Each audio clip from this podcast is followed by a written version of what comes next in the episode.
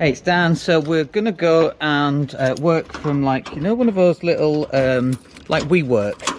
Uh, you know where you work from a um, from an office and then you share an office and then your hot desk. Uh, so we're just gonna go and do that, and so we'll go and see what that's like, and um, we'll let you know what it's like working from a hot seat in Spain.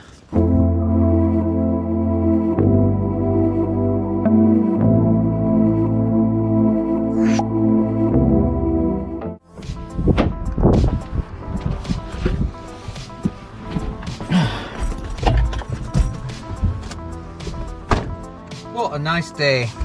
It is such a lovely day today. And it's very nice indeed. So let's see what this will be like. And um, I've no idea. I've never been to one of these before. I don't even know where it is really. The sun is very, very bright by the way. Uh, let's see where on earth I'm supposed to be going because I think it's just round the corner.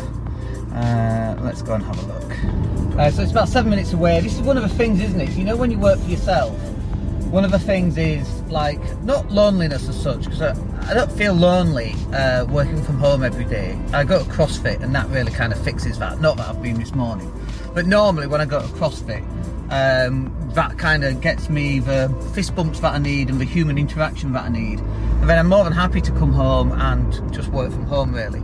And um, that works really, really well.